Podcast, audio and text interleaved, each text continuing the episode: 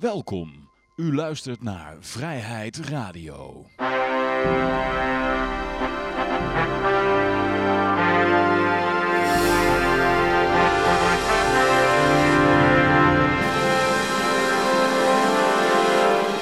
Ja, dames en heren, jongens en meisjes, dit is weer een nieuwe aflevering van Vrijheid Radio. Leuk dat u luistert. We zitten hier gezellig in Café Libertaria met op dit moment eh, Peter, Yoshi en Ruben. Ja, en mijn naam is Johan. Wie weet komen er nog meer mensen bij, eh, je weet maar nooit. Maar we beginnen eerst even met de goud, zilver, bitcoins en de staatsschuldmeter. En eh, ja, we beginnen met de marijuana-index. Heb ik nou toch voor mijn neus staan. Die staat op dit moment op eh, 284. Ja, 04. Ja, is eh, weer ietsje gezakt. Ehm, ja, hoe doet de olie en het goud het? Olie is een beetje aan het dalen, 56 tot 23, maar ja, blijft nog steeds eh, redelijk hoog staan. Hm. Ik heb nog steeds een beetje vragen wat er met die, wat de nieuwe shale oil eh, gaat gebeuren. Die, en dat is wel opeens een hele berg olie uit de VS komt, maar dat is ook allemaal weer snel op. Ja. Ehm, goud is 1288,30, dus die is terug weer terug onder de 1300 gezakt. Oké. Ja. Ja, nou, dan hebben we de bitcoin, die, is, eh, ja, die heeft een kleine onverwachte wending gemaakt. Eh, je hoorde op eh, Twitter veel analisten al zeggen, ja, nu gaat hij echt naar beneden. Maar onverwacht ging hij weer naar boven. Ja, dan zit weer in zo'n triangle, hè. Dus dan, aan het einde van de triangle is het of naar boven of naar beneden. In dit geval was het, ja, onverwacht toch naar boven. Hij staat hem precies te zijn op eh 3453 eurotjes. Ja. Goed, ja, nou ja. Eh, dan gaan we naar eh, de staatsschuldmeter. Ja, die staat er nog steeds op 402 miljard eh, in het rood. Ja, een beetje hetzelfde als vorige week. Goed, nou ja, dan gaan we naar de nieuwsberichten. We beginnen met een berichtje uit de zorg. Nou, nee, ik zeg even verkeerd. We beginnen met een ja, politieke propaganda, zal ik het maar noemen. Over de Eh, zorg. Over de zorg, ja. Een eh, CDA die eh, ja, ja, op SP-stemmers eh, mikt. Marktwerking in de zorg is doorgeslagen. Dat is een beetje een... dat had zo uit de SP-foldertje kunnen komen, hè? Ja, het zijn die standaard termen die ze altijd gebruiken om, het is doorgeslagen. Er staat ook tussen quotejes hier. Ja. Maar dan moeten ze, oh ja, ze zijn veel te ver doorgeslagen. Moeten mensen dan denken. En ook het heilige huisje van keuzevrijheid voor patiënten. Dus het, een en al demago demagogie, eh, retoriek. Er zit geen argument in. Het in zijn ogen absolute recht om de eigen zorgverlener te kiezen... maakt de organisatie van de zorg voor de jong duur en lastig. En de absolute ook weer tussen quotejes. Eh, Ja. Dit is een ongezende cocktail. De zorg heeft minder markt en meer samenwerking nodig. Dus kennelijk is dat tegenstrijdig volgens hem, markt en samenwerking. Anders houden we het niet vol. Samenwerking gaat niet vanzelf. Dat is ook mensen die, ja, kennelijk zijn tegenstanders, die die in zijn hoofd fantaseert. Daarbij, die, die denken dat de samenwerking vanzelf gaat. Nou, en ongezonde situaties, doorgeschoten marktwerking en het roer moet om. Dus de grote roerhanger van het CDA die wil het roer omgooien. Hij, moet in ieder geval aan het roer staan. Ja, het is wel opvallend dat hij ehm, zegt van eh, hij mikt op SP-achterban, maar bij SP, je kunt zeggen wat je wil, maar die hebben wel een soort visie. en, maar hier klinkt niet eens een visie uit. Dit, dit is meer een soort van eh dadaistisch gedicht aan random opmerkingen waar af en toe het woord zorg in voorkomt. Maar als, als ik dit cliënt voorhoud, gewoon een horror scenario. Want dan zeg ik gewoon van, oké cliënt, jij, het is eigenlijk de bedoeling dat jij niks meer voor het zeggen hebt, want eh, dat wordt ons allemaal een beetje te gek. ja, Echt, zeg maar, het, het- hij appelleert dus ook niet aan een soort van emotie. Dus ik snap ook niet helemaal wat hij nou, wat eigenlijk van de bedoeling is. Hier het is verkie- verkiezingstijd, hè? ja, maar met verkiezing zou je toch proberen dan om, om die mensen voor je te winnen. Maar als je tegen een cliënt gaat zeggen van nou, het is echt niet de bedoeling dat jij bepaalt eh, wat er met jou gebeurt. Dat is eigenlijk best wel een, een, een trap midden in het gezicht. Dus Ja. eh, dat, dat verbaast mij ook wel een klein beetje aan dit bericht. Ja, hij had, het, hij had, ik denk dat dat ene zinnetje er niet bij had, eh, had, hij, had er niet bij moeten zeggen. Eh, het absolute recht van de, om de eigen zorgverlener te kiezen, dat maakt het eh, on, onwerkbaar. Daarmee, daarmee ja, denk je ja, eigenlijk de, de consument een beetje angst aan. Dat, voor, voor zijn alternatief. Want die denkt dan, van, ja, dan, dan moet ik straks met die ene malloot van een dokter die niemand wil hebben in zee, omdat hij mijn keuzevrijheid wegneemt. Ja, Hij zal natuurlijk wel een beetje doelen op het hele gebeuren van ehm, dat je je begeleiders en zo zelf kan uitkiezen via PGB-constructies. Wat dan nog een soort van liberale uh, troep was. En uh, waar, nou ja, daar is best wel veel gebeurd. Maar ja, die mensen die, die worden hier allemaal niet vrolijk van als ze dit... Uh, heel fascinerend. Ik denk niet eens dat, dat, dat hij hier eigenlijk kiezers mee gaat winnen ook hoor. Ja, het maakt verder ook allemaal geen sier uit, want dan gaan die kiezers naar een andere gekke partij toe. Mhm. Maar, ja. Maar hij noemt natuurlijk wel ongezonde situatie. Hij had ook nog Amerikaanse toestanden daarbij kunnen zetten natuurlijk. ja. Doorgeschoten marktwerking, eh, minder markt en meer samenwerking nodig. Hij zegt, hij zegt tenminste niet dat de zorg heeft minder markt en meer dwang nodig. of meer, meer eh, bureaucratie. Eh Ruben, jij werkt in de zorg, hè? Maar merk je iets van marktwerking daar?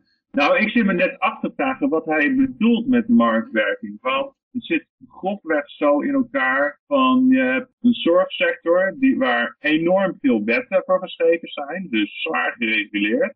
En ehm, naast die regulatie zijn er nog allerlei dingen die eigenlijk geen wetten zijn, maar eh, manieren hoe je je hoort te gedragen in Nederland of zo, waar mensen dus ook heel netjes zich naar voegen. En dat bij elkaar geeft richting aan de zorg. En ehm, binnen, binnen dat kader mag je dus je zorgbedrijfje beginnen, zeg maar. Dus dat zou je dan een markt mogen noemen. Maar het is al zo beperkt dat het, ja, ik zie weinig echte concurrentie eigenlijk. En ik zie daar ehm, direct ook de, de negatieve invloed van op mijn werk. Ja, dat er heel veel kwaliteit eigenlijk hoger zou kunnen zijn als, als, door, als door concurrentie mensen elkaar aanscherpen, zeg maar Ja.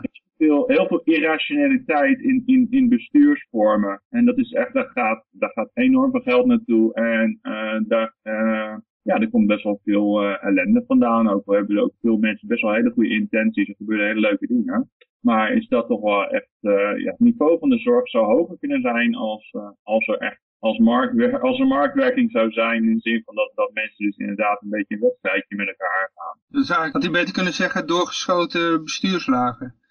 Ja, dat, dat zit dichter bij de realiteit. Ja, ja. Eh, eh, Nee, want waar zit eigenlijk nu het concurrentiewedstrijdje? Dat zit hem in van als je bijvoorbeeld een stichting hebt waar je dus probeert een beetje eh, zorg te verlenen en daar wat centen mee te maken. Dan moet je proberen om eerst een paar hele zware cliënten met zware indicaties binnen te slepen. Want die hebben een rugzak met een heleboel geld. En dan kun je dat geld, die ga je dan niet gebruiken voor die cliënt, maar die gebruik je dan om de infrastructuur of, eh, of het, eh, om je complete organisatie eigenlijk op een bepaald niveau te brengen. Dus het is eigenlijk een soort investering. En dan kun je de, de cliënten die minder geld meenemen, die kun je daarin meenemen om een beetje body aan je organisatie te geven. Dus dat is een hele valse prikkel eigenlijk. Dat heeft helemaal niks te maken met een gezonde concurrentie. Dat, is meer ook eigenlijk, eh, ja, eh, ga in bepaalde kringen rondhangen. eh, doe een wedstrijdje over de ruggen van je cliënten. En nee, dat, zit, dat speelt eigenlijk in de bovenlaag van de organisaties. Het lijkt meer dat hij ook mikt op de... Hij, appelleert aan, kosten ook. Want hij zegt hier... In zijn ogen absolute recht om de eigen zorgverlener te kiezen... maakt de organisatie van de zorg volgens de jongen duur en lastig. Dus ja, hij wil kosten besparen of zo. Daar lijkt het een beetje op. Daar, daar ga je geen stem mee mee winnen over het algemeen. Ja, en daar zit ook iets heel raars aan. Want eh, ik denk dat hij ook daarmee het weer heeft over al die bureautjes die best wel veel geld hebben verdiend aan de PGB's. Maar daar zijn al eh afgelopen tijd al, al regels over aangenomen dat je met een maximum wat je per uur mag vragen en zo, dat is enorm ingesneden. Dus eh wat hij daar nou eigenlijk mee bedoelt, ja misschien dat hij dat niet helemaal letterlijk durft te zeggen. Je kunt natuurlijk ook gewoon zeggen van, oké, dat, dat, dat kleine geld, beetje geld dat er nu nog aan uitgegeven wordt, dat moet dan nog meer halveren en dat stort de hele boel in of zo. Kun- dat zal hij ook moeilijk kunnen verkopen, maar daar lijkt het dan een beetje op. Dus ik weet niet helemaal wat hij bedoelt eigenlijk. Ja, en dit is dan nog raar. De uitspraken van zorgminister De Jonge zijn politiek saillant, omdat zijn CDA meermaals heeft deelgenomen aan kabinetten die de marktwerking in de zorg juist hebben vergroot. Momenteel zit de partij in de coalitie met twee liberale partijen, vooral de VVD is een groot voorstander van een vrije zorgmarkt. Ja, maar dat zeggen ze natuurlijk altijd. Het is altijd hetzelfde.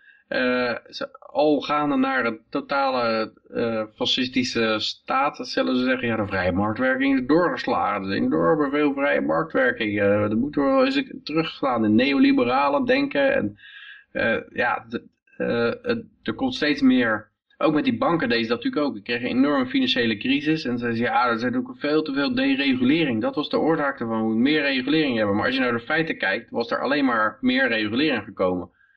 Maar het, het verhaal gaat altijd dat het kwam door deregulering. Dat blijft gewoon altijd de boeman. Dus altijd is de oplossing meer macht in minder handen. een verbazingwekkend verhaaltje eigenlijk. Ook als je denkt van wat is de, de gemiddelde CDA, die is volgens mij economisch rechts, maar heeft wel, eh, zeg maar, eh, al, al- de, de christelijke hoek heeft wel best wel veel met de zorg. Dus dat verwacht je ook dit verhaal niet. Ja, en, heel vreemd eigenlijk. Maar ja. Ik denk dat gewoon, eh, volgens mij, zometeen als die provinciale verkiezingen voorbij zijn en dan heb je nog die EU-verkiezing. Als dat voorbij is, dan heeft hij gewoon weer een hele andere mening. dat zal me niet verbazen. Maar hij staat wel mooi op de foto ook hoor. Ja, dat kun je dan natuurlijk bij zo'n vrijheid radio dan weer helemaal niet meekrijgen met radio. Maar het is een mooi glimmend pak. Dus dat is Je kan, ook... je kan op de website kan je op de link klikken naar Ja. dit artikel. Ja. Ja. Nou ja, goed, dan gaan we van de minister gaan we even naar de burgemeester. Eh, ja, deze burgemeester is de burgemeester van eh, Heerlen, of eigenlijk de ex-burgemeester. Die, eh, die keert niet meer terug na een eh, gelekte sollicitatie. En hij had zichzelf een beetje in de voet geschoten. Want hij had namelijk de... Ze hadden de speaker in de hal hadden ze aan laten staan en daarbinnen was een besloten vergadering. Het had eigenlijk niet mogen lekken, maar hij heeft verlof genomen, geloof ik, omdat hij voor zijn zieke kind moest zorgen. Eh, een jaar lang. En hij heeft dus in de tussentijd gesolliciteerd als burgemeester voor Kerkrade. En dat had ja, niet mogen lekken. Hmm. Ja, ja. Mag je niet solliciteren tijdens ziekteverlof of zo? Eh, hij kon geen burgemeester van, eh, van Heerlen zijn, omdat hij eh, ja, voor, voor zijn zieke kind moest zorgen. Maar dan kan hij dat wel in Kerkrade zijn, schijnbaar. Maar dan misschien juist ook als, dat, als die ziekte voorbij is. Of, Dat, daar weet ik de fijne niet van. Maar ja, het gaat in ieder geval om meneer eh Kreewinkel. Ralf Kreewinkel van de PvdA. en nou is. Emiel Reumer burgemeester in Heerlen. Ja, die SP. was waarnemend burgemeester tijdens Hmm. zijn eh, verlof. Ja. Maar ja, het had niet mogen lekken, uh, klaarblijkelijk. Maar wie heeft er dan gelekt? Is dat duidelijk ook? Ze hadden de, micro de speaker van in de hal hadden ze aan laten staan.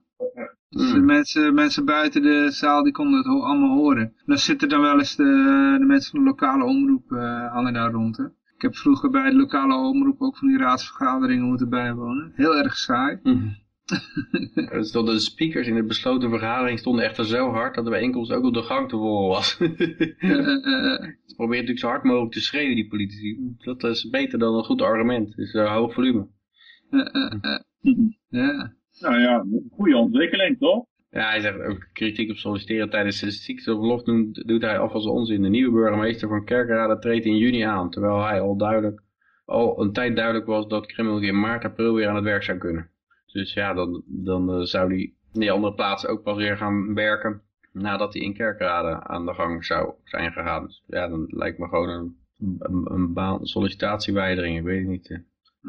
Waarom er zo'n uh, zo moeilijk over gedaan wordt. Ja. Nou, dat, dat heb je als dus een functie uh, op een in een besloten kring vergeven wordt, in plaats van dat er een, uh, ja, een openbaar, dat je ervoor kan stemmen. Hè? Dan, dan, dan krijg je dus een situatie dat, uh, tenminste, dat, dat denk ik dan, dat je via allerlei weg, weggetjes aan die positie moet zien te komen. En als er dan iets fout gaat, dan moet je je daar weer van, van distancieren. En ja, als ze er gewoon voor gekozen zouden worden, dan is iedereen het er na een tijdje over eens dat iemand uh, die plek verdiend heeft. En nu, uh, ja. Misschien was het bij die speakers, via die speakers te horen dat, uh, oké, okay, als je mij burgemeester laat worden, dan krijg jij een kruispunt cadeau. dat, Ja, doen ze, dat doen ze in de Oekraïne, hè, dat de politieman die krijgt dan een kruispunt cadeau voor zijn verjaardag. Oké. Mag, hij, mag hij daar al de boetes uh, om binnen tikken? een kruispunt. oh, de boetes mag je dan houden, de opbrengsten. ja. Krijg jij een kruispunt cadeau. Allemaal borden neerzetten. Ja! Weer een overtreding. ja, joh. Nou ja, ik heb over politie gesproken. Ja, ja, voor, dit, was een beetje naar aanleiding van uh, waar jij het vorige week over had. Uh, door de politie gebruikte hacktool uh, voor data-extractie. Die is ja, te vinden op, de, op eBay. Ja, dat is op zich wel een goede, een goede zaak, denk ik. Want dan moet die, eh, ja, moet die, eh, dan kan die makkelijker gedicht worden, denk ik. Want het was, was een, van een Israëlisch bedrijfje. Ja, het is een Israëlisch, Israëlisch bedrijf. Die maakte een, een eh, tool om iPhone te hacken. Want dat was ooit was een, was een, een telefoon gebruikt door een terrorist. En, en Apple wilde niet aan meewerken om er een backdoor in te bouwen.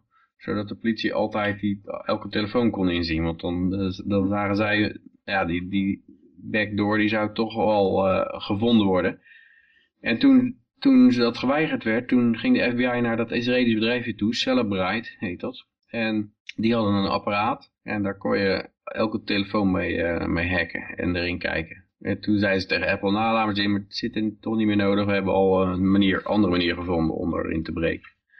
Maar die apparaten die worden nou dus tweedehands verkocht op eBay. Soms nog met, het, met eh, gegevens erop van de telefoons die, eh, ja, die gehackt zijn. Maar dat neemt natuurlijk ook, ik neem aan dat, dat teams, uh, whitehead hackers zeg maar, die gaan, en, en waarschijnlijk bij Apple zelf ook, die willen ook weten hoe er ingebroken is in hun telefoons. Hoe dat mogelijk is, wat de zwakke punten zijn. En die gaan zo'n ding natuurlijk eh, opkopen op eBay en dan kijken we wat daar, eh, hoe, hoe, dat, hoe dat in zijn gang gaat. Dus, eh, en de Celebrite heeft klanten inmiddels in een e-mail gewaarschuwd dat de systemen alleen door de originele koper gebruikt mogen worden en het doorverkopen of verstrekken naar, aan andere partijen niet mag. Dat tuigt natuurlijk gelijk hun intellectual property weg eigenlijk, eigenlijk wat zij, eh, hun uitvinding. Dus eh, ja, ik, ik denk dat het op zich wel goed is, want het maakt de veiligheid alleen maar groter. Dit, dat, dat hele pro- probleem was van die NSA ook, die hadden een aantal eh, zwakke punten gevonden in computers, waardoor ze in konden breken. En omdat de, de makers van computers en operatingsystemen en zo niet, niet wisten waar die gaten zaten, konden ze het ook niet repareren. Dat heeft Wikileaks, die heeft toen toch ook zo, nou, die heeft die hele tools allemaal online gezet met, eh hoe heet het ook weer, Vault 7 of zo heette dat, al die CIA tools en zo. Mhm. En dat maakt natuurlijk gelijk dat, dat eh, ja, programmeurs al die gaten kunnen gaan dichten. Het is alleen maar goed. Ja, maar ja, we hebben ook nog een eh, mannenquotum nodig in, ja, als paardenmiddel in het onderwijs. Ja, we hebben natuurlijk heel veel over vrouwenquota gehad zo, omdat er, er nog te weinig vrouwen zitten. Maar er zit aan de andere kant ook ontdekt dat er te weinig mannen in onderwijs en, en zorg zitten, geloof ik. En het probleem gaat niet vanzelf weg. Eh, Dus er moet een quotum komen. Wat, en hoe ze dat dan willen gaan doen. Ja, ombouwen. ja, ja, ja, ja. Ja, jezelf als eh, man identificeren. en dat kan je in de zorg zelf laten doen, het ombouwen. Dus, Ja, dus die onderwijzers kunnen zo de zorg in onze om laten bouwen. En de zorg kan ze zelf ombouwen.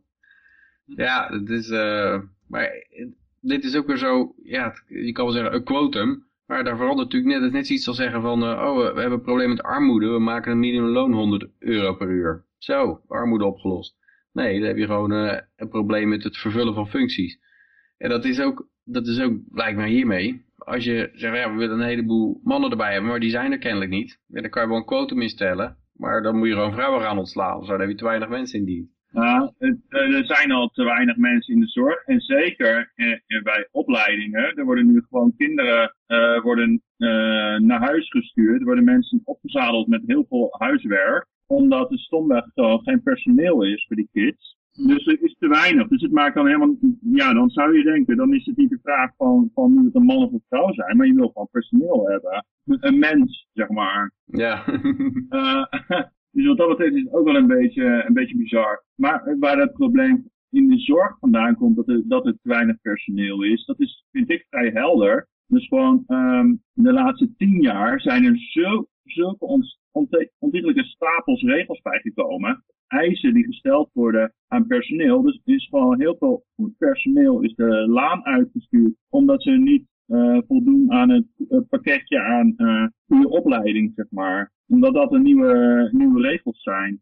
En dus tegelijkertijd zeggen we, oh, we hebben heel veel mensen nodig. En, en, en dan gewoon extra regels toevoegen. Dat zijn een beetje eh, tegen, eh, tegengestelde bewegingen. Ja. ja. Ja, dat heb ik ook wel eens in een libertair boek ook gezegd. Ze zeiden, ja, de arts, de, een arts die dan naar Amerika kwam, die moest op per se Engels spreken. Maar er werd ook gezegd van, eh, ja, dat- maar als jij een goede arts uit Duitsland hebt, dan, dan kan je in ieder geval hem Duitse patiënten laten verzorgen bijvoorbeeld. Ja. Dat is, dat, eh, dat, dan heb je al, al wat. en eh, daar is geen, geen enkel bezwaar tegen. Dus heel veel van die regels, die maken het gewoon, eh, ja, die maken de spoeling dun, ja. En ze hebben natuurlijk ook vaak kwaliteitseisen. Hè. Ja, wat ik over die bureaucratie en die, en die papierwinkel, dat, daar hoor je iedereen over eh, in de zorg. Eh, Niet alleen in de zorg zo, maar in de zorg is het ook wel heel extreem. Maar, Onderwijs. maar ja, onderwijs ook inderdaad. Ja, eigenlijk deze twee sectoren, inderdaad, daar, daar is juist bureaucratie enorm toegenomen. Maar ook allerlei onnodige diploma's in de zin dat, ja, als jij iemand met een, eh, met een superhoge medische opleiding nodig hebt, eh, eh, hebt om een, om een gips om een been te doen of zo, of om een buisje bloed af te nemen, dan, ja, dan krijg je ook een probleem. Je moet eigenlijk voor elke, elke opdracht waarschijnlijk een de, ja, minimaal gekwalificeerd persoon hebben, maar niet overgekwalificeerd. Want dan, ja, dan eh, misbruik je de, die kwalificatie. eh. dat zal ook nog wat misgaan. Ja. Ja. Maar ja, ik zou wel een, eh, een quotum eh, in het leven willen roepen voor meer libertariërs in de zorg. Dat zou wel heel prettig zijn, want eh, ik denk dat veel libertariërs een beetje de neiging hebben om lekker, ehm, lekker eh, geld te gaan verdienen eh, op internet en zo. Want dat ligt natuurlijk heel lekker. Daar zit veel meer vrijheid, zeg maar. ja. Eh, daardoor zie je wel dat, dat juist eh, de zorgsector, die al leidt onder een zware regulatie, dat dat, dat, dat wel in een, in, een, in een sneltreinvaart nog meer richting, nog meer regulatie gaat. Ja. Ja, dan Maar- lok je, dan maar lok je al geen eh, libertariërs mee. Maar als je in de zorg gaat werken, dan kan je daar waarschijnlijk niks aan doen ook. Hè? Of in het onderwijs. Ik, ja, dat wordt allemaal vanuit ministeries wordt het opgelegd. En er zitten gewoon mensen regels uit te pompen. Ja. Ja, je, je leidt er alleen maar onder. Je zwoegt verder en... eh, Nee, ja, je, je moet denk ik dan ehm, eh, de kleine stapjes die je kunt maken, moet je waarderen. En misschien af en toe ook ehm, je niet al te netjes aan de regels houden. Dat scheelt ook al een stuk, denk ik. Dan is er wat ruimte. hm. Ja. Ja, ik heb wel eens gehoord van zo'n libertariër, die was eh, leraar economie op middelbare school. en eh, Ja. die zag je wel behoorlijk eh, ja, gezondheidsproblemen daarmee krijgen. Want, want het, zit heel, het zit op zich zo goed dichtgetimmerd dat ze zeggen, ja, dit moet je behandelen van die minuut tot die minuut in die les. En dit van die minuut tot die minuut.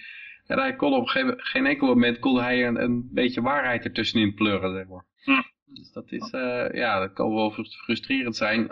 Ja, zij, zij proberen het waarschijnlijk de vrijheid zoveel mogelijk te beperken dat er geen enkele mogelijkheid bestaat om nog wat goeds te doen tussendoor. Ze zien erop toe dat er niet van de indoctrinatie afgeweken gaat worden. Precies. Ja, ja, ja. Maar ja, goed, ja, dan, eh, had je in de Tweede Kamer een schreeuwende man. En dit was niet eh, iemand van een partij, zeg maar, hè, van, van het parlement zelf. Het was iemand van de tribune. Dat was een keertje een andere schreeuwende man. ja, het is wel eigenlijk een beetje een ver- verwarde man in de Tweede Kamer. Denk ik, oh, er zit een heleboel toch maar. Ja, de 150. dat is- Ik werd niet uitbetaald of zo. Ik kreeg zijn wachtgeld niet. Oh, misschien wel, ja. Maar zoals een, als een man ook wordt neergezet in zo'n artikel, hè. De oudere man oogde verward en kon nauwelijks op zijn benen staan. Daar maakt geen biet uit wat hij te zeggen had of zo. Dat wordt, daar wordt niemand, eh, er wordt geen woord aan vuil gemaakt in het hele artikel, waar die, wat, die, wat nou zijn, zijn punt was. eh. Eh, dit vind ik, eh, Misschien was het gewoon een patiënt uit de zorg die kon klagen. ja, dat te- terwijl Knops aan het woord is, wordt hij door de man onderbroken. dus eigenlijk, ja, terwijl hij aan het woord is, wordt hij onderbroken. Op de, op de beelden is niet te verstaan wat hij precies roept, maar Knops stopt zijn betoog en kijkt geïrriteerd naar de publieke eh, tribune. En dan is het ook zo.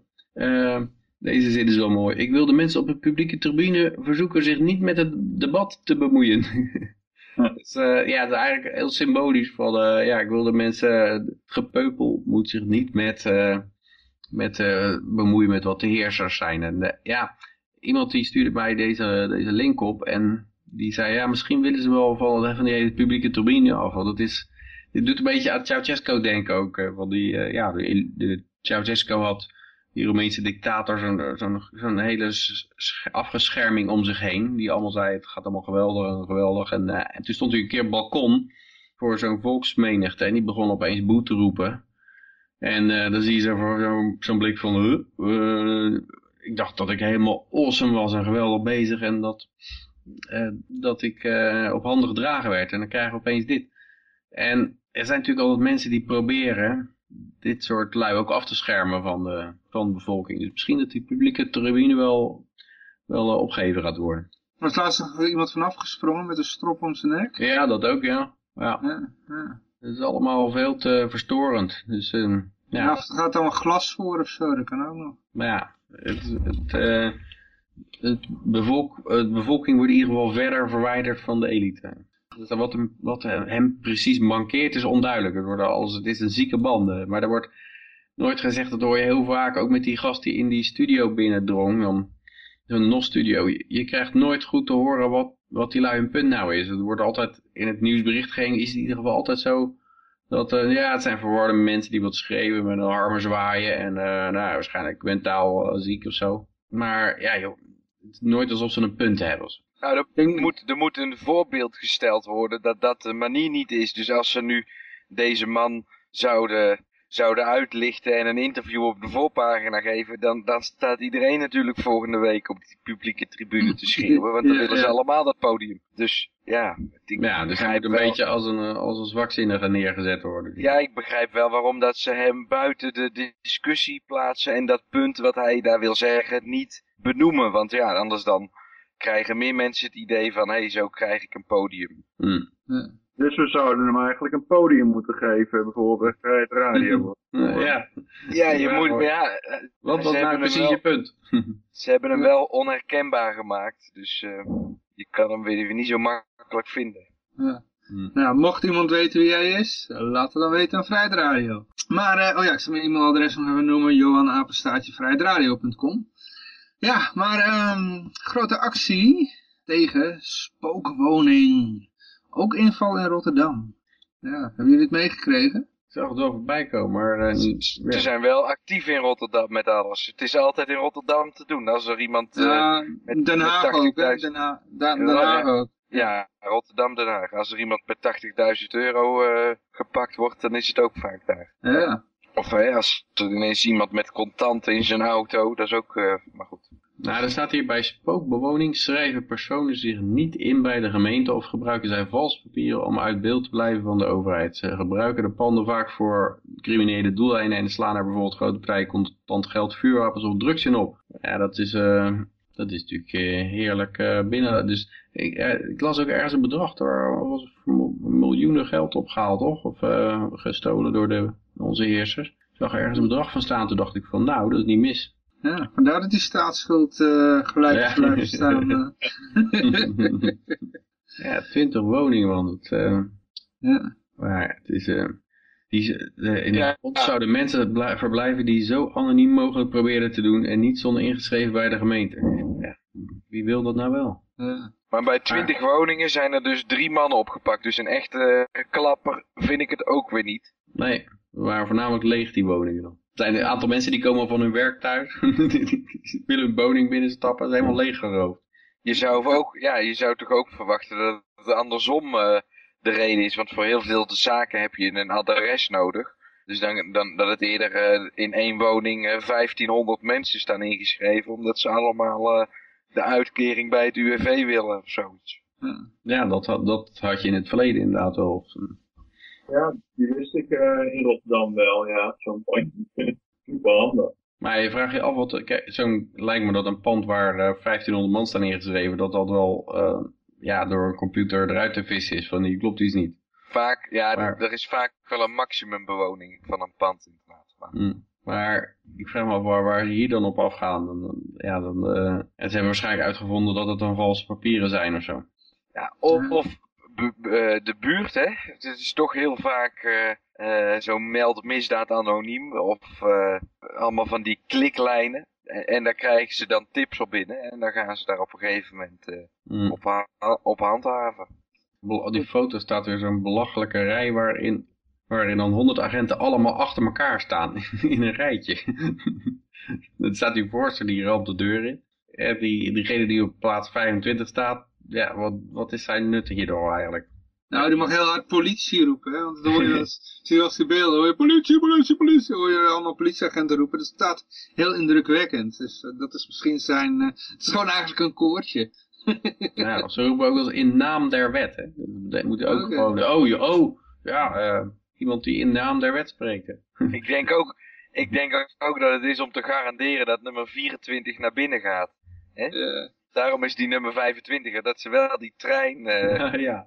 Ja, de- de- wat- het ook kan zijn natuurlijk, is dan, ze moesten kennelijk, hebben ze zich vrijwillig daarvoor aangemeld voor die actie, omdat ze weten, hé, hey, hier valt drugs te halen. Dus het is gewoon een- net als bij een, een, eh, een sale, weet je wel, Black Friday, dat er Ja, mooie ja, ja. mensen voor de deur hebben staan. En dan komen al die agenten naar binnen om zich als eerste op al die spullen te... Ze hebben ook allemaal tassen bij zich. Hè. Ja, ja. Daarna, daarna rennen ze ook alle kanten op zo, naar buiten toe. Ja, ja, ja. Al naar buiten. Nou, goed, ja. Eh, maar ik heb hier nog een EU-berichtje. EU overweegt eh, goedkeuringsprocedure voor custom ROMs op smartphones en routers. Ja, dus als je een telefoon koopt, dan zit er standaard zit daar een, eh, Android op gebak of zo, of iPhones. Maar dat kan je, je, er zijn een heleboel websites waar je speciale ROMs kunt downloaden die ja, extra afgeslankt zijn of eh, geen gekke ja, eh, hebben, zoals dat dan heet. Allemaal dingen waar je toch niet op zit te wachten. Of die juist allemaal leuke extraatjes hebben erbij. En dat zijn allemaal hobbyisten die dat die die ROMs eh, maken voor hun telefoon. En nou wil de EU wilde er goedkeuringsprocedure voor hebben. Hmm. En ja, je- ik vraag me gelijk wel af wat maakt het hun nou uit? Natuurlijk krijg je het standaard verhaal van eh, eh, dit vanwege de veiligheid en het vertrouwen van consumenten in de producten.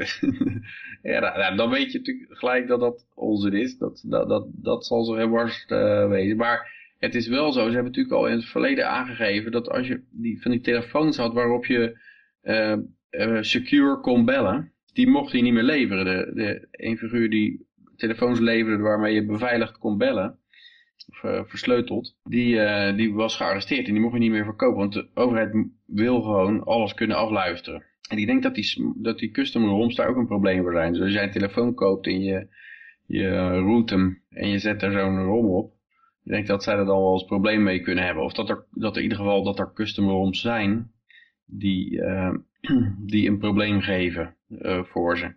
En, eh, en, en wat mij dan altijd opvalt aan zo'n verhaal, is dat wat, wat mij dat ook doet denken, is dat er een hele uitgebreide uitleg aan vooraf gaat. Van nou ja, de commissie is ook bang voor netwerkproblemen. Zo kan firmware ervoor zorgen dat een apparaat op frequenties werkt waar het van de landelijke overheden niet op mag werken. Ook kan het nieuwe firmware volgens de commissie impact hebben op het gebruik van telefoon, waardoor bijvoorbeeld hulpdiensten moeilijker te bereiken kunnen zijn. Dus je krijgt een enorme uitgebreide uitleg waarom ze eh, die, die eh, ROMs willen, eh, onder goedkeuringsprocedure willen onderwerpen.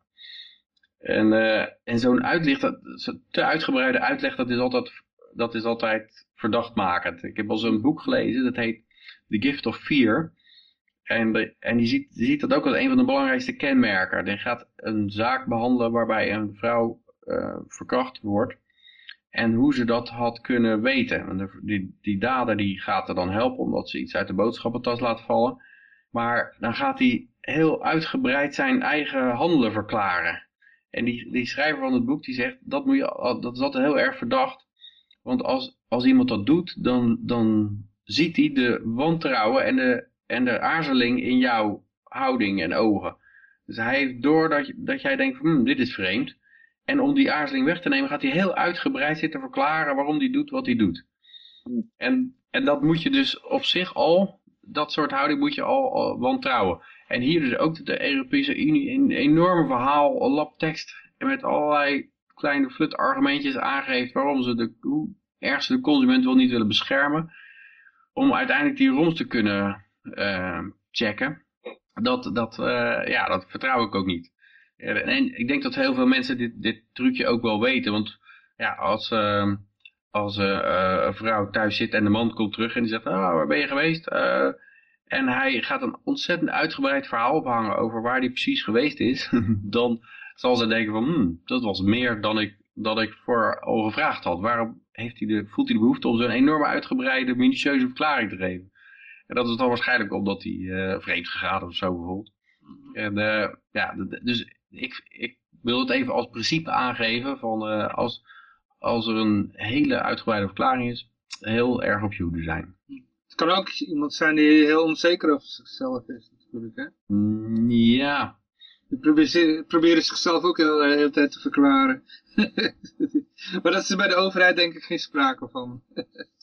nee, maar ik denk dat bij, ja, bij uh, ja, onzekerheid is misschien ook een beetje een vorm van. Want dat zijn mensen die zichzelf niet geloven. Ja, ja. En, uh, ja, maar dat is natuurlijk, dat kan onterecht zijn dat ze zichzelf niet geloven. Maar... Ja, maar die hebben verder geen kwaad in de zin, maar die zijn nee, gewoon die uh, in de waardigheidscomplex. Ja. ja. maar als iemand denkt van jij zal me wel niet geloven, dan is dat omdat hij denkt, ik klink waarschijnlijk ongeloofwaardig met dit excuus. Dus ik ga een heel uitgebreid uh, verhaal ophangen. Dat zie je bij, ik, ik zie, nou ik let er wat meer op, dus ik krijg ook confirmation bias, maar ik zie het wel heel vaak gebeuren. Dat, dat uh, want nu.nl bijvoorbeeld, dat is een, ja, zo'n artikeltje heeft een bepaalde hoeveelheid uitleg over iets. Maar dan zijn er sommige artikelen die komen met een waanzinnige hoeveelheid uitleg. Uh, en dat, dat is gewoon boven normaal. En dat, Ja. is dan, uh, ja, dat is dan verdacht. Die hebben het dan ook zo geformuleerd dat er iedere vorm van kritiek, eh, er, worden al eh, meteen al eh, allerlei eh, tegenargumenten Ja, ingebracht zonder dat er überhaupt al de, eh, nou, ja. Maar ze denken, je zult waarschijnlijk wel met de volgende vijf bezwaren komen. Laat me die Ja, alvast tegengaan. En sommige sites hebben natuurlijk hele uitgebreide artikelen, maar, maar ja, sommige flutnieuws sites, die hebben gewoon ja, flutberichtjes allemaal. Dus dan valt het heel erg op als er opeens een, eh, een hele uitgebreide verklaring komt. Nou hoor ik ook van iemand dat je dan bij eh, nieuw.nl kan dan reageren. Hij heet dan Nieuw Jij geloof ik. Ja, Maar eh, alles wo- wordt al meteen gescreend en bijvoorbeeld Ja. eh, eh, kritiek op klimaat wordt al meteen al, ge, of tenminste, Ja. ja, klimaatverandering. kritiek- Ja, dat wordt al meteen al eh, gewist. Nee, nee. Je moet het goed zeggen. Er was inderdaad een, eh, een, een filter overheen gezet. En daar stond dat het ontkennen van het menselijke effect. Of de menselijke invloed op klimaatverandering. Dat, eh, dat werd verwijderd. Dus die, die mening Ja. werd niet toegelaten op nu jij. Ja, ja, ja. Nou, dat is ook Ja. al, dat geeft aan dat ze een enorm eh, ja, slecht vertrouwen er zelf in hebben ook. Want als jij heel erg zeker ergens van bent, bijvoorbeeld als ik nou de stelling van Pythagoras ga omkrachten op, eh op nujij.nl, gaan ze dat dan verwijderen? Ik denk het niet. Ik denk niet dat ze zeggen van nou, eh, ja, dat kunnen we echt niet hebben, mensen die de stelling van Pythagoras... maar ze voelen kennelijk wel aan dat, dat dit met harde hand door moet worden gedrukt, omdat het anders op eigen kracht kan het niet staan. Op eigen benen heeft het onvoldoende argumenten. Ja, het is, het is wat mij betreft het failliet van een discussieplatform. Als je gaat zeggen, want het is juist een, eh, een best wel eh, besproken, veel besproken onderwerp. En heel hot. De, Controversieel. de- de, de, de, de, de president van Amerika is, is, is openlijk in, in twijfel over eh, eh, Hm. de juistheid van al die klimaatstellingen. hè? Laat ik het maar even zo uitdrukken. Het is niet mijn beste quote. Maar, maar, maar om dus dan eh, dat eh, te gaan verbieden. Ja, dat, dat toont inderdaad een beetje het failliet aan van je standpunt. Want dan gaan we maar alle, alle, alle meningen verwijderen die er niet op aansluiten. In plaats van met bewijzen komen dat het zo is. Ja, het wordt steeds openlijker propaganda en steeds minder... Ja, En daarna, en daarna Nieuws. krijg je natuurlijk het niet mogen ontkennen of het eh, moeten, moeten accorderen van de officiële verklaring van 9-11. En, Ja. en eh, weet je wel, vaccins, het is, op vaccins is er ook altijd zo moment? Vaccinatie. Vaccinatie, daar mag je ook geen woord van kritiek op geven. Er zit natuurlijk een enorm bak geld ook achter. Ik, ik was al niet actief op nu.nl en ik heb nog nooit een bericht geplaatst op nujij.nl, maar ik weet nou weer even waarom. Ik was vroeger wel actief op nujij.nl, maar toen ben ik er ook afgegooid of zo. En eh, ja, toen Ik hebben heb ze op een- een gegeven moment helemaal dichtgegooid, geloof ik. Ik heb een periode gehad, en dan ging ik overal neerzetten dat, eh, dat, dat het allemaal onzin was wat iedereen geloofde. En dat ze maar eens naar de bitcoin moesten kijken. En dan werd ik ook overal verwijderd. En dat kwam dan voornamelijk omdat ik, ja, omdat ik reclame aan het maken was natuurlijk voor de bitcoin. Dus eh, dat is, eh, inderdaad allemaal als spam gemarkeerd. En toen ben ik op een gegeven moment ben ik tot de conclusie, of heb ik van- voor mezelf gezegd van nou, al die traditionele forums en zo. Ik heb op bijvoorbeeld kassa.nl en Tros Radar heb ik mijn hele lappen tekst neergezet over het geldsysteem en zo. Dat is allemaal verwijderd. Maar, maar ja, eh, eh, dat, In wel- in En- welke, en tijd, eh, in welke tijd postte je daar dan over de bitcoin? Of welk Nou, jaar hebben we het? Toen er Nee, tijd maar we- 5 cent was.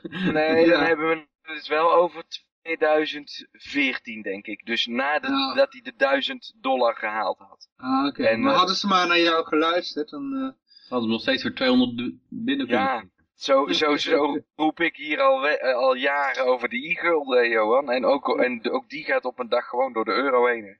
ja, Dus ja, Maar, maar goed. we moeten nog even verder. We hebben nog wat berichten hier liggen.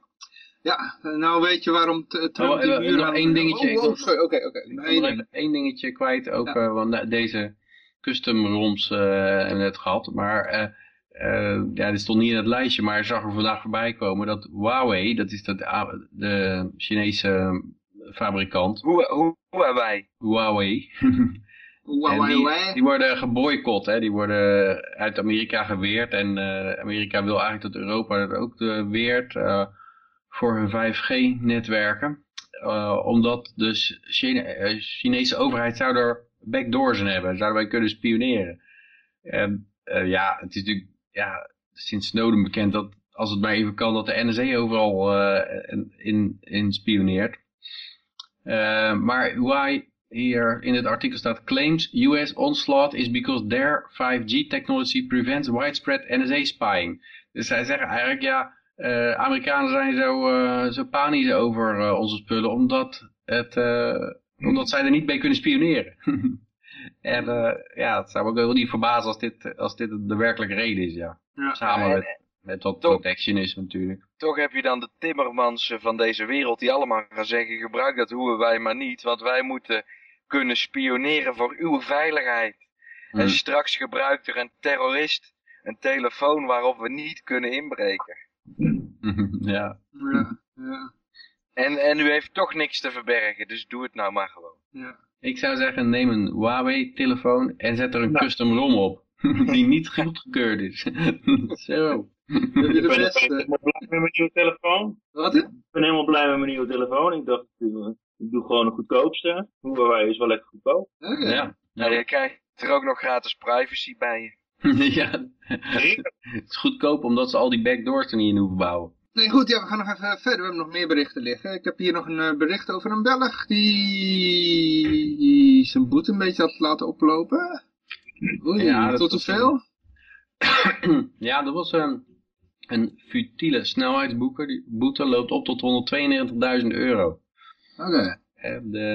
Ja, hij kreeg de snelheidsovertreding. Ehm, ja, hij reed 72 km per uur waar maximaal 50 was toegestaan. Hm. En normaal gesproken levert dat in België een boete tussen 200 en 4000 euro. op. Dat vind ik al heel wat, 4000 euro. Jezus. Zo, ja. Maar, eh, maar de werkgever heeft zichzelf in de hand gesneden door een administratieve nalatigheid. Dus een bedrijfsauto geloof ik. Het bedrijf reageerde niet binnen de wettelijke termijn van 15 dagen om de identiteit van de bestuurder bekend te maken. Omdat de termijn werd overschreden is de boete omgezet in een dwangsom en enkele malen verhoogd. Dwangsom, en daar blijft bleef het niet bij. Omdat, omdat bleek dat het ook niet de eerste keer was dat het bedrijf zich schuldig maakte aan een dergelijk feit, maar werd de rekening nog eens vermenigvuldigd. Resultaat, de dwangsom bedraagt momenteel 144.000 euro en de baas van het bedrijf werd ook nog eens veroordeeld tot 12 maanden voorwaardelijk en 48.000 euro boete. Goed voor totaal kost een plaatje van 192.000 euro. Ja, nou gaan we lekker een bedrijf beginnen in uh, België. Dan uh, kan je gewoon, een van je werknemers die rijdt 72 waar die 50 mag en dan je bent even op vakantie, je komt terug en 192.000 euro boete aan je. Ja. Vroeger had je, gingen veel Nederlanders die vluchten juist naar België om dat, belasting te ontwijken. Maar ja, het hangt nou niet meer in. Dat is heel vaak wat voor rol je hebt, denk ik. Als je naar België gaat en je, en je zit er alleen te rentenieren, dan zal het wel meevallen. Dan ja. heb je geen bedrijf wat ze... Ja, ik ken een vriend van mij, die is daar zijn schoonmaak, de jaren negentig hoor. Die heeft toen zijn schoonmaakbedrijf net over de grens geparkeerd. En die, dat scheelde hem echt eh, duizenden euro's per maand, hoor. Hm. Ja. De reden dat veel gepensioneerden naar België verhuizen is omdat je daar net iets meer huis voor je geld krijgt. Dat De grond, ja. de grond is iets goedkoper. Maar je hebt ook geen vermogens, vermogensbelasting geloof ik of zo, hè? Dat eh, weet ik niet, dat weet ik niet. Nee, daar Hm. kan ik geen... eh, ab- de- nee, durf ik niet uit te beantwoorden. Nou ja, er zal wel een reden zijn dat heel veel Nederlanders over de grens wonen. Ja. Dat, eh, het, het zal ongetwijfeld met belastingen te maken hebben. Maar, maar ik Ja, denk, als je dat- ergens een bedrijf begint, dan moet je wel even nadenken. Want eh, ja, kennelijk de, denken ze van, nou, een bedrijf, die hebben toch geld zat, hup, laten we zo tot 192.000 euro oplopen. Kijk, nou, het, bedrijf, dat, is, eh, dat, dat kan nu wel gewoon eh, gaan stoppen, hè? En 12 maanden voorwaardelijk, hè, dat is ook nog. Ah. Dan word je er 12 maanden in de gevangenis gegooid. Maar dat is dan de directeur van het bedrijf of de, Ja. eh, Nou, of de man die de overtredingen begaan is? dat is de directeur van het bedrijf, want die had Dat is een door ideale moeten, manier. door moeten geven dat, wie, wat de identiteit van deze persoon was. Ja. Maar eh, ja, we hebben nog één berichtje liggen. En die was ons toegezonden door een luisteraar. Dus me even ontgaan wie hij is. Ik kan het wel even opzoeken hoor. Ehm, maar die had een berichtje, een, een videofilmpje van YouTube. Het ging over een executive order, de free speech executive order van Trump. Ja. En die, eh, dat schijnt niet zo eh, positief te zijn. eh. Nee, het verhaal was een beetje, er was een of andere Amerikaan die liep met een, met een, met zo'n Make America Great Again hoedje op een universiteitscampus rond. En die werd daar spontaan op zijn bek geslagen. En eh, met heel veel haat en de gebruikelijke ehm, emotionele, hysterische reacties van, eh, van de linkerkant. En Trump die nodigde hem voor een, eh, zijn speech bij de American Conservatives of zoiets. APEC heet het geloof ik. ja. En die had hem met zijn blauwe oog uitgenodigd.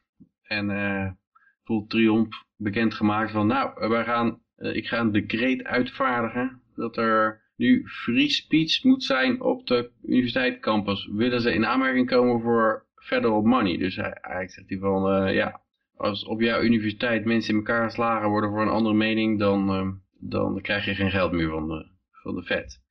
Maar, en, en als dat dan voornamelijk voor Californië geldt, dan zal het hem eh, worst zijn natuurlijk, want dan is die, hoeft hij geen eh, geld aan Californië te geven waar toch alleen maar vijanden zitten. En ja, hij zal er geen steun aan verliezen op de Californische universiteit.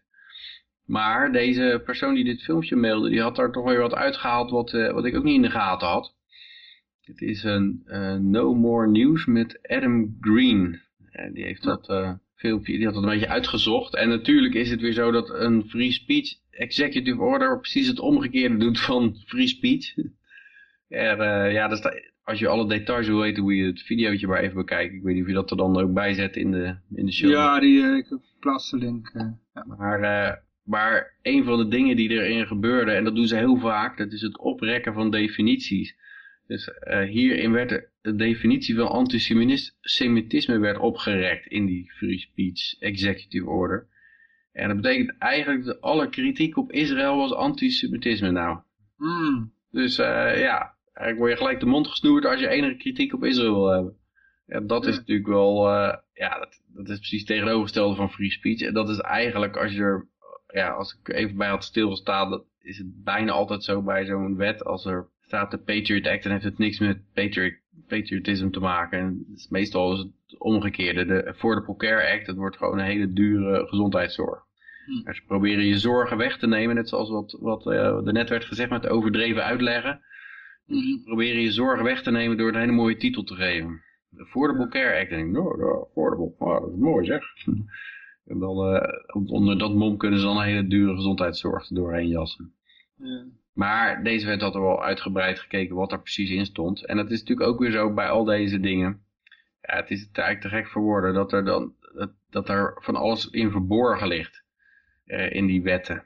En er wordt van alles in meegesmokkeld.